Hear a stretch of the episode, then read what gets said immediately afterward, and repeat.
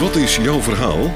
Dit is een podcast over dyslexie en aanverwante fenomenen zoals dyscalculie, ADHD, ADD, autisme en hoogbegaafdheid en over het conceptuele denken dat eigen is aan deze mensen. De podcast wordt gepresenteerd door Sean Verhoeven van Dynamica. Zij is coach en trainer voor volwassenen met dyslexie en aanverwante fenomenen. Ze gaat ervan uit dat mensen met deze fenomenen allemaal conceptuele denkers zijn.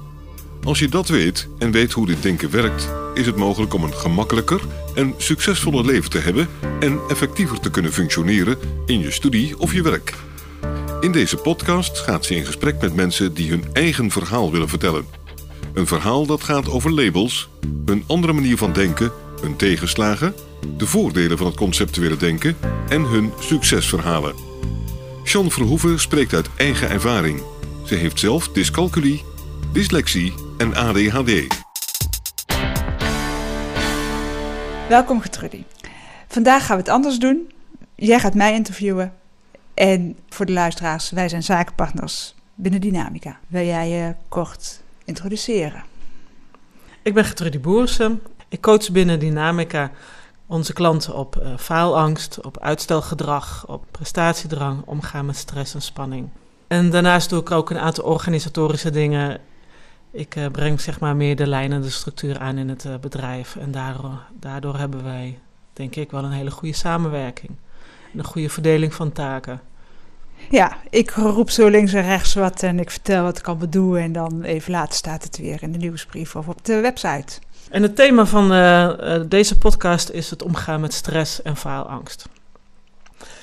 Mijn eerste vraag aan jou is, want dat valt me altijd zo op, aan de manier waarop jij over dyslexie praat, is dat nou, de algemene gedachte bij dyslexie is, dat gaat over taal. En het eerste wat jij altijd zegt is, dyslexie gaat niet over taal. Leg eens uit. Kijk, Natuurlijk gaat dyslexie over taal, hè, over de spelling en over het lezen en het reproduceren. Waarom we daar niet zo goed in zijn en waarom we daar ook binnen school, hè, onze schoolloopbaan, zoveel last van hebben, is omdat we, wat ik merk in het werk is, als ik zeg we, dan hebben we het over mensen met dyslexie.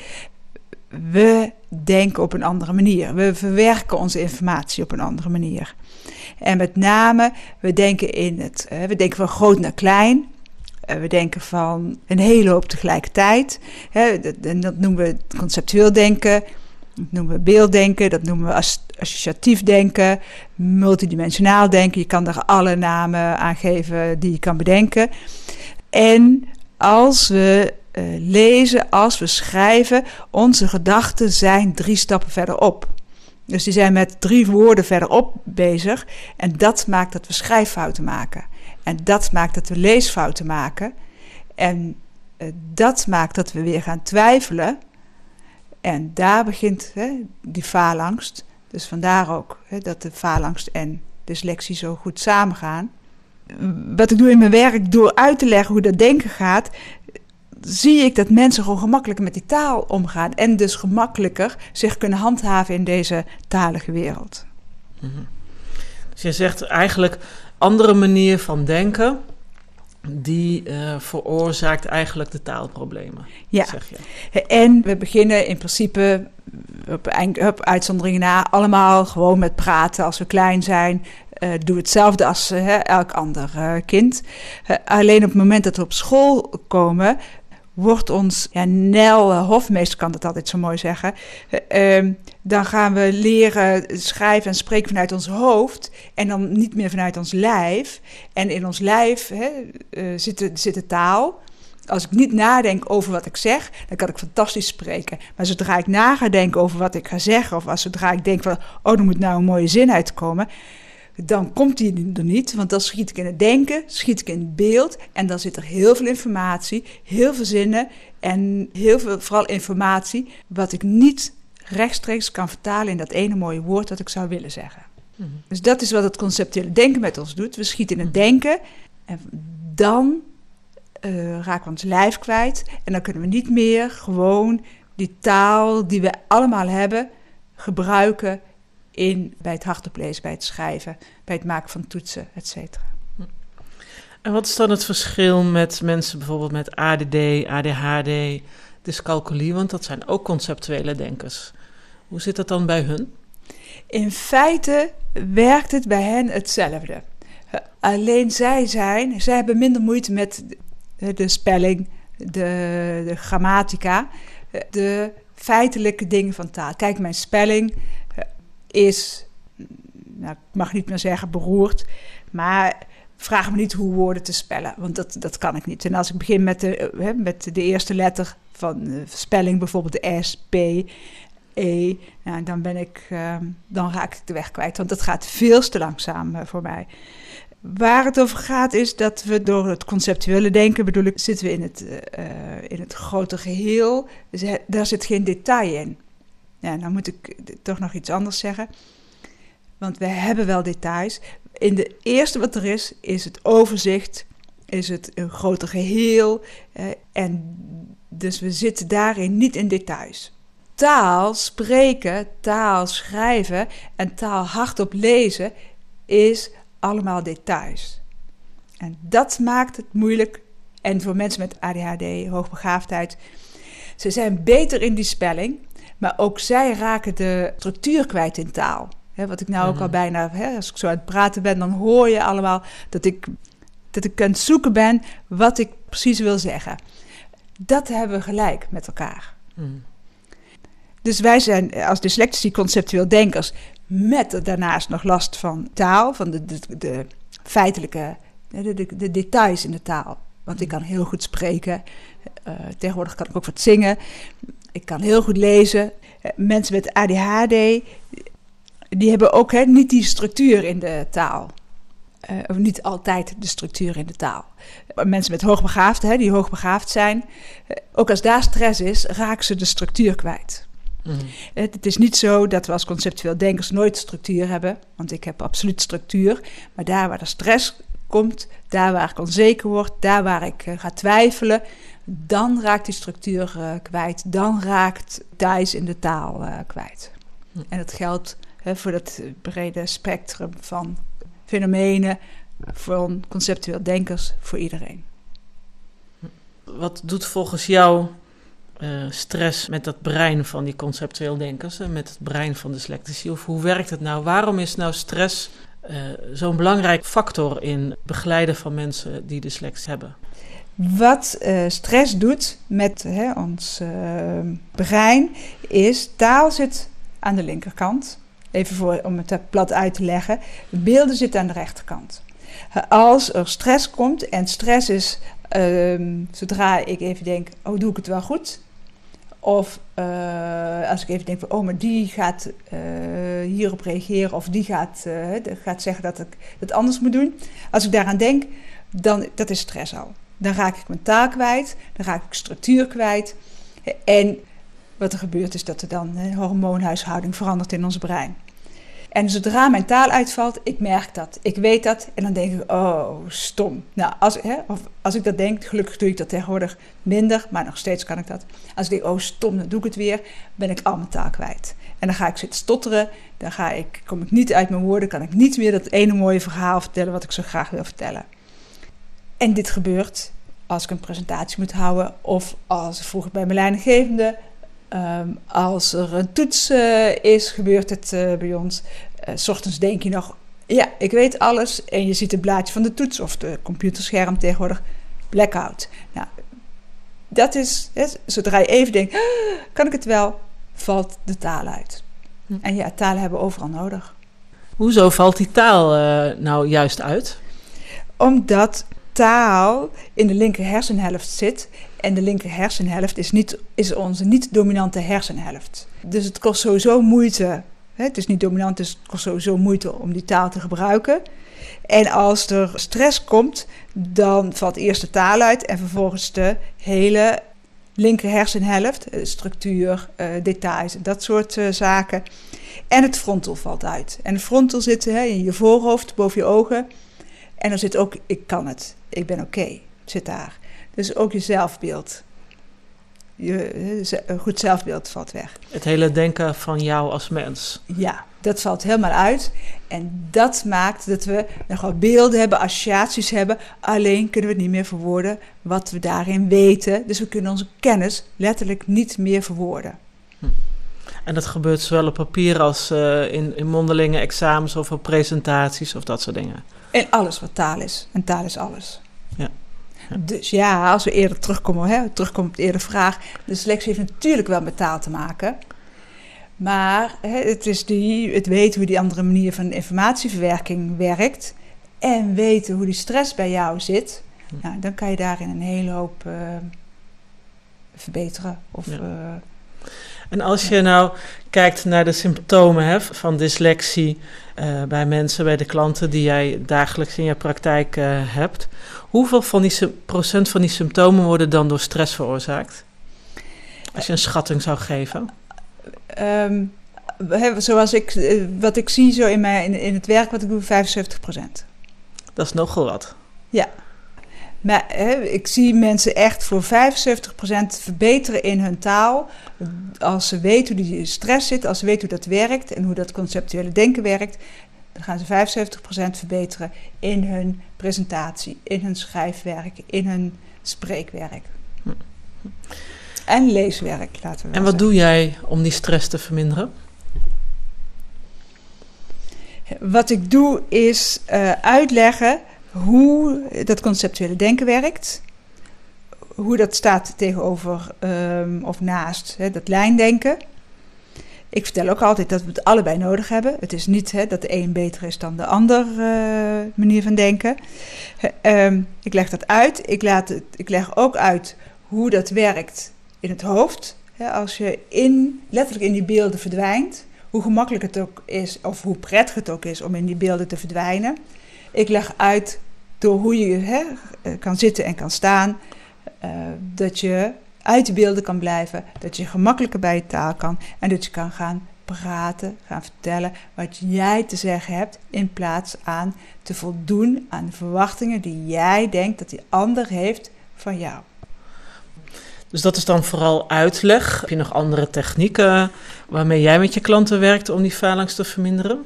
Wat ik hier doe is ja, uitleggen, is laten voelen, is uh, en laten doen.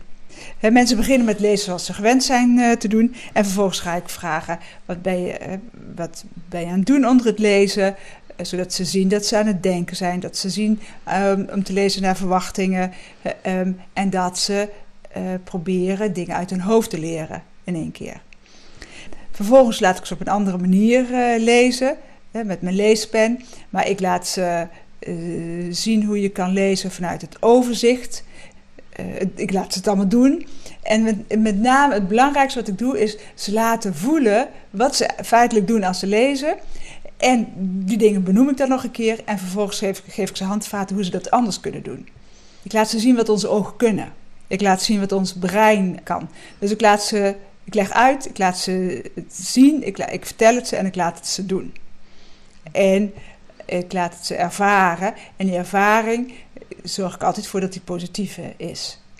Dus zodat ze kunnen gaan zeggen van, hé, hey, ik kan het. En dat ze vrij snel zien dat ze veel meer weten dan dat ze kunnen. Nou, en bij dat snel lezen zit ook weer dat mindmappen. En dan laat ik ze zien hoe mindmappen werkt. En dan zien ze dat ze hele verhalen kunnen vertellen, ook al schrijven ze maar drie woorden op als ze die drie woorden niet opschrijven, dan wordt het veel moeilijker om te vertellen. Maar zodra ze die drie woorden op kunnen schrijven, kunnen ze het hele verhaal vertellen. Dus ik laat, ze, hè, ik laat mensen vooral ook ervaren hoe dat brein werkt. Nou, en dat is ook altijd leuk als ik dan weer met een metronoom erbij pak. Topwatch weer erbij uh, pak. Nou, er zit er altijd wel iemand bij die dan in stress schiet. En dan laat ik ook weer zien hoe snel stress er is en wat er dan weer gebeurt. Nou, en dan geef ik ze weer een oefening in om die stress te reduceren, om, dat, om daar vriendelijk, vriendelijk voor jezelf te zijn. Het gaat hier over vriendelijk zijn voor jezelf. Zodat je die stress kan reduceren, hoe je dat je jezelf terug kan pakken en vervolgens die mindmap kan gaan maken en van daaruit de vraag kan beantwoorden. Het, het hebben van een positieve ervaring in het spreken, in het schrijven, in het, in het vertellen, eigenlijk is het zo simpel. Door mensen positieve ervaring te geven, gaan ze gemakkelijker al die talige dingen doen. Mm. En Natuurlijk vallen we er wel weer eens in terug, want ik uh, doe dat zelf ook wel. Alleen door te weten dat het, niet, dat het niet helemaal bij jou ligt, door te weten dat het niet is omdat je niet opgelet hebt of dat je niet, dat je niet genoeg gedaan hebt. Mhm. Maar door een ervaring te hebben dat je, dus, dat je dus kan lezen, ja, heb je iets om. Heb je een grond onder de voeten? Dat is uh, wat, ik, wat ik meegeef maar, en wat ik ook bij mezelf gevoeld heb. Ik, ik krijg steeds meer grond onder mijn voeten, waardoor ik als ik iets doms doe, of ik denk dat ik iets doms doe, dat ik niet meer hè, 10 meter naar beneden zak, maar dat ik uh, denk van, nou, daar was hij weer. Ja. Even uh, ademhalen, even zitten, even de tijd nemen en dan kan ik gewoon weer door. Ja, dat, dat alleen al is een groot verschil. Hm. Wat was voor jou dan het meest pijnlijke moment in jouw schoolloopbaan? Want als we het over trauma's hebben uh, en dat die ten grondslag liggen aan uh, faalangst of uitstelgedrag, dan ken jij dat natuurlijk zelf ook heel goed. Dus kan jij misschien iets over jouw ergste moment vertellen? Het allerergste is wel het, het, voor weggezet worden. En met name als ik zie hoeveel dat met mijn zelfbeeld gedaan heeft in ieder geval tot mijn dertigste constant door verschillende, hè, vanuit verschillende invalshoeken gezegd: ja, weet je, dat kan je niet, je moet niet denken dat je dat kan. Uh, ga nou maar gewoon, doe niet zo moeilijk. Uh, ga nou gewoon werken. Uh, waarom moet je je steeds bewijzen? het feit dat ik, dat ik van als twaalfde jaar naar de huisartsschool moest, dat, dat is wel het allerergste. Daar en en op de, het is al lang op de basisschool. Op de basisschool was het al lang begonnen. Mhm. Niet het onderwijs krijgen wat je, waar, je, waar je naar snakt. Want ik ging niks. Ik, ik was zo blij dat ik eindelijk naar school mocht. En daar heb ik gewoon niks geleerd de eerste jaren. Dus dat, dat is wel het meest uh, pijnlijke. En wat heeft dan gemaakt dat je toch doorging met leren? Want jouw schoolloopbaan loopt van huisartschool tot post-HBO. Uh, wat heeft dan toch gemaakt dat je toch door bent gegaan? Gelukkig heb ik een ontzettende eigenwijsheid uh, in me. Eh, de honger naar informatie. En voor een deel is het vanzelf gegaan. Ik eh, ging naar school, ik haalde een diploma, ik was moe, ik rustte uit, ik kwam weer bij. En ik dacht school, dan wilde ik weer wat leren. Nou, dan dacht ik, waarom doe ik dit? En vervolgens haalde ik een diploma, was ik weer uitgeteld, moe, ging ik uitrusten. Nou, een paar jaar later dacht ik, oh, het wordt weer tijd om iets nieuws te leren. Dus ja, voor velen, velen hebben dat gezien als bewijsdrang. Voor een deel is dat ook geweest. Heb ik dat ook heel lang eh, gedaan. Maar tegelijkertijd was het ook de honger, de honger om dingen te leren. En gelukkig vergat ik elke keer weer dat er dan een toets bij zat, weer iets geschreven moest worden. En dan ging ik weer. Dus de honger, de honger naar informatie.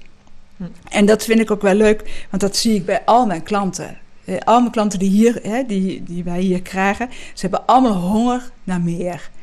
Nou, er is niks zo leuk als mensen coachen, trainen die honger hebben naar, naar meer. Dus kun je, nou, nou ja, dat is, dat, dus elke keer, elke klant is weer een feest. Hmm. En nou, zeker als ik dan zie hoe snel ze opknappen en hoe. Uh, nou, dan moet ik denken aan de Pieter, hè, daar hebben we het even eerder over gehad. Ook in de podcast is die uh, gevallen als ik aan hem denk, die kromgebogen binnenkomt en overrent, glunderend de deur uitgaat naar één gesprek. En dat gebeurt zo vaak. Nou, dat, dat is gewoon een feest. Nog even terug naar school. Je vertelde op de basisschool, daar ging het eigenlijk al mis. Wat zie jij nou bij, bij veel conceptueel denkers? Uh, kinderen met eh, ADHD, kinderen met dyscalculie, met dyslexie. Waarom gaat het nou mis op die basisschool? En wat heeft dat nou met dat conceptuele denken te maken? Als conceptuele denkers leren we op een andere manier. We zijn niet zo goed in dingen elke keer uh, herhalen, in van klein naar groot werken, van begin naar het eind werken. We denken in een groter geheel. Ons rechterbrein is evolutionair, moet uitgedaagd worden. dat echt willen leren, iets, het moet weer iets nieuws erbij. En school is herhaling. Tot je de zinnen goed zegt, tot je de woordjes goed kan schrijven. Nou, dan mag je een niveau hoger. Dus op, vanaf het begin af aan, ons brein niet gevoed, gaan we wel, hè, dat beelddenken, het conceptueel denken gaat wel, werkt wel. Dus we gaan in die beelden zitten. Uh, als die beelden negatief worden, dan gaan we in het oordeel zitten, gaan we in het verwijt zitten, dan gaan we ook in, uh, zitten in denken proberen te voldoen aan dat wat de ander vraagt. En die oordelen bedoel je dan dat de kinderen gaan denken van oh ik ben niet zo goed als de ander of wat, wat zijn dat voor oordelen? Ik ben niet snel genoeg, ik ben niet goed genoeg, ik zeg het niet netjes genoeg, um, ik doe het niet goed genoeg, uh, zij doen het beter, zij zijn mooier, zij kunnen beter spreken. Oh als ik het nou zo doe, um, als ik nou dit doe. He, dus constant in het denken, ja, in het gaan denken, negatief denken over jezelf. En niet jezelf vergelijken met de ander. En jezelf vergelijken met die ander. En um, ik krijg hier regelmatig, komt er binnen, ja, maar ik wil spreken zoals die ene. Ja, vergeet het maar. Want dat is een, natural speaker. Dat is, die, die is, ja, dat is een spreker van huis uit. Als je dat niet bent, buiten of je wel of niet dyslexie heeft, als je dat niet bent, kan je dat ook niet zo, hè, zo goed worden. Dus een eerste violist, dat word je als je super goed bent erin. Je hebt het te doen met waar jij goed in bent de kwaliteiten die we hebben als conceptueel denkers, die worden op school niet, die zijn niet interessant op school, die worden niet als belangrijk genoemd. En dan begint die faalangst al, want dan ben je altijd aan het vechten om iets te bereiken wat je niet kan. En als er dan gezegd wordt, maar je bent wel goed in, in de gym, in creativiteit, ja, de.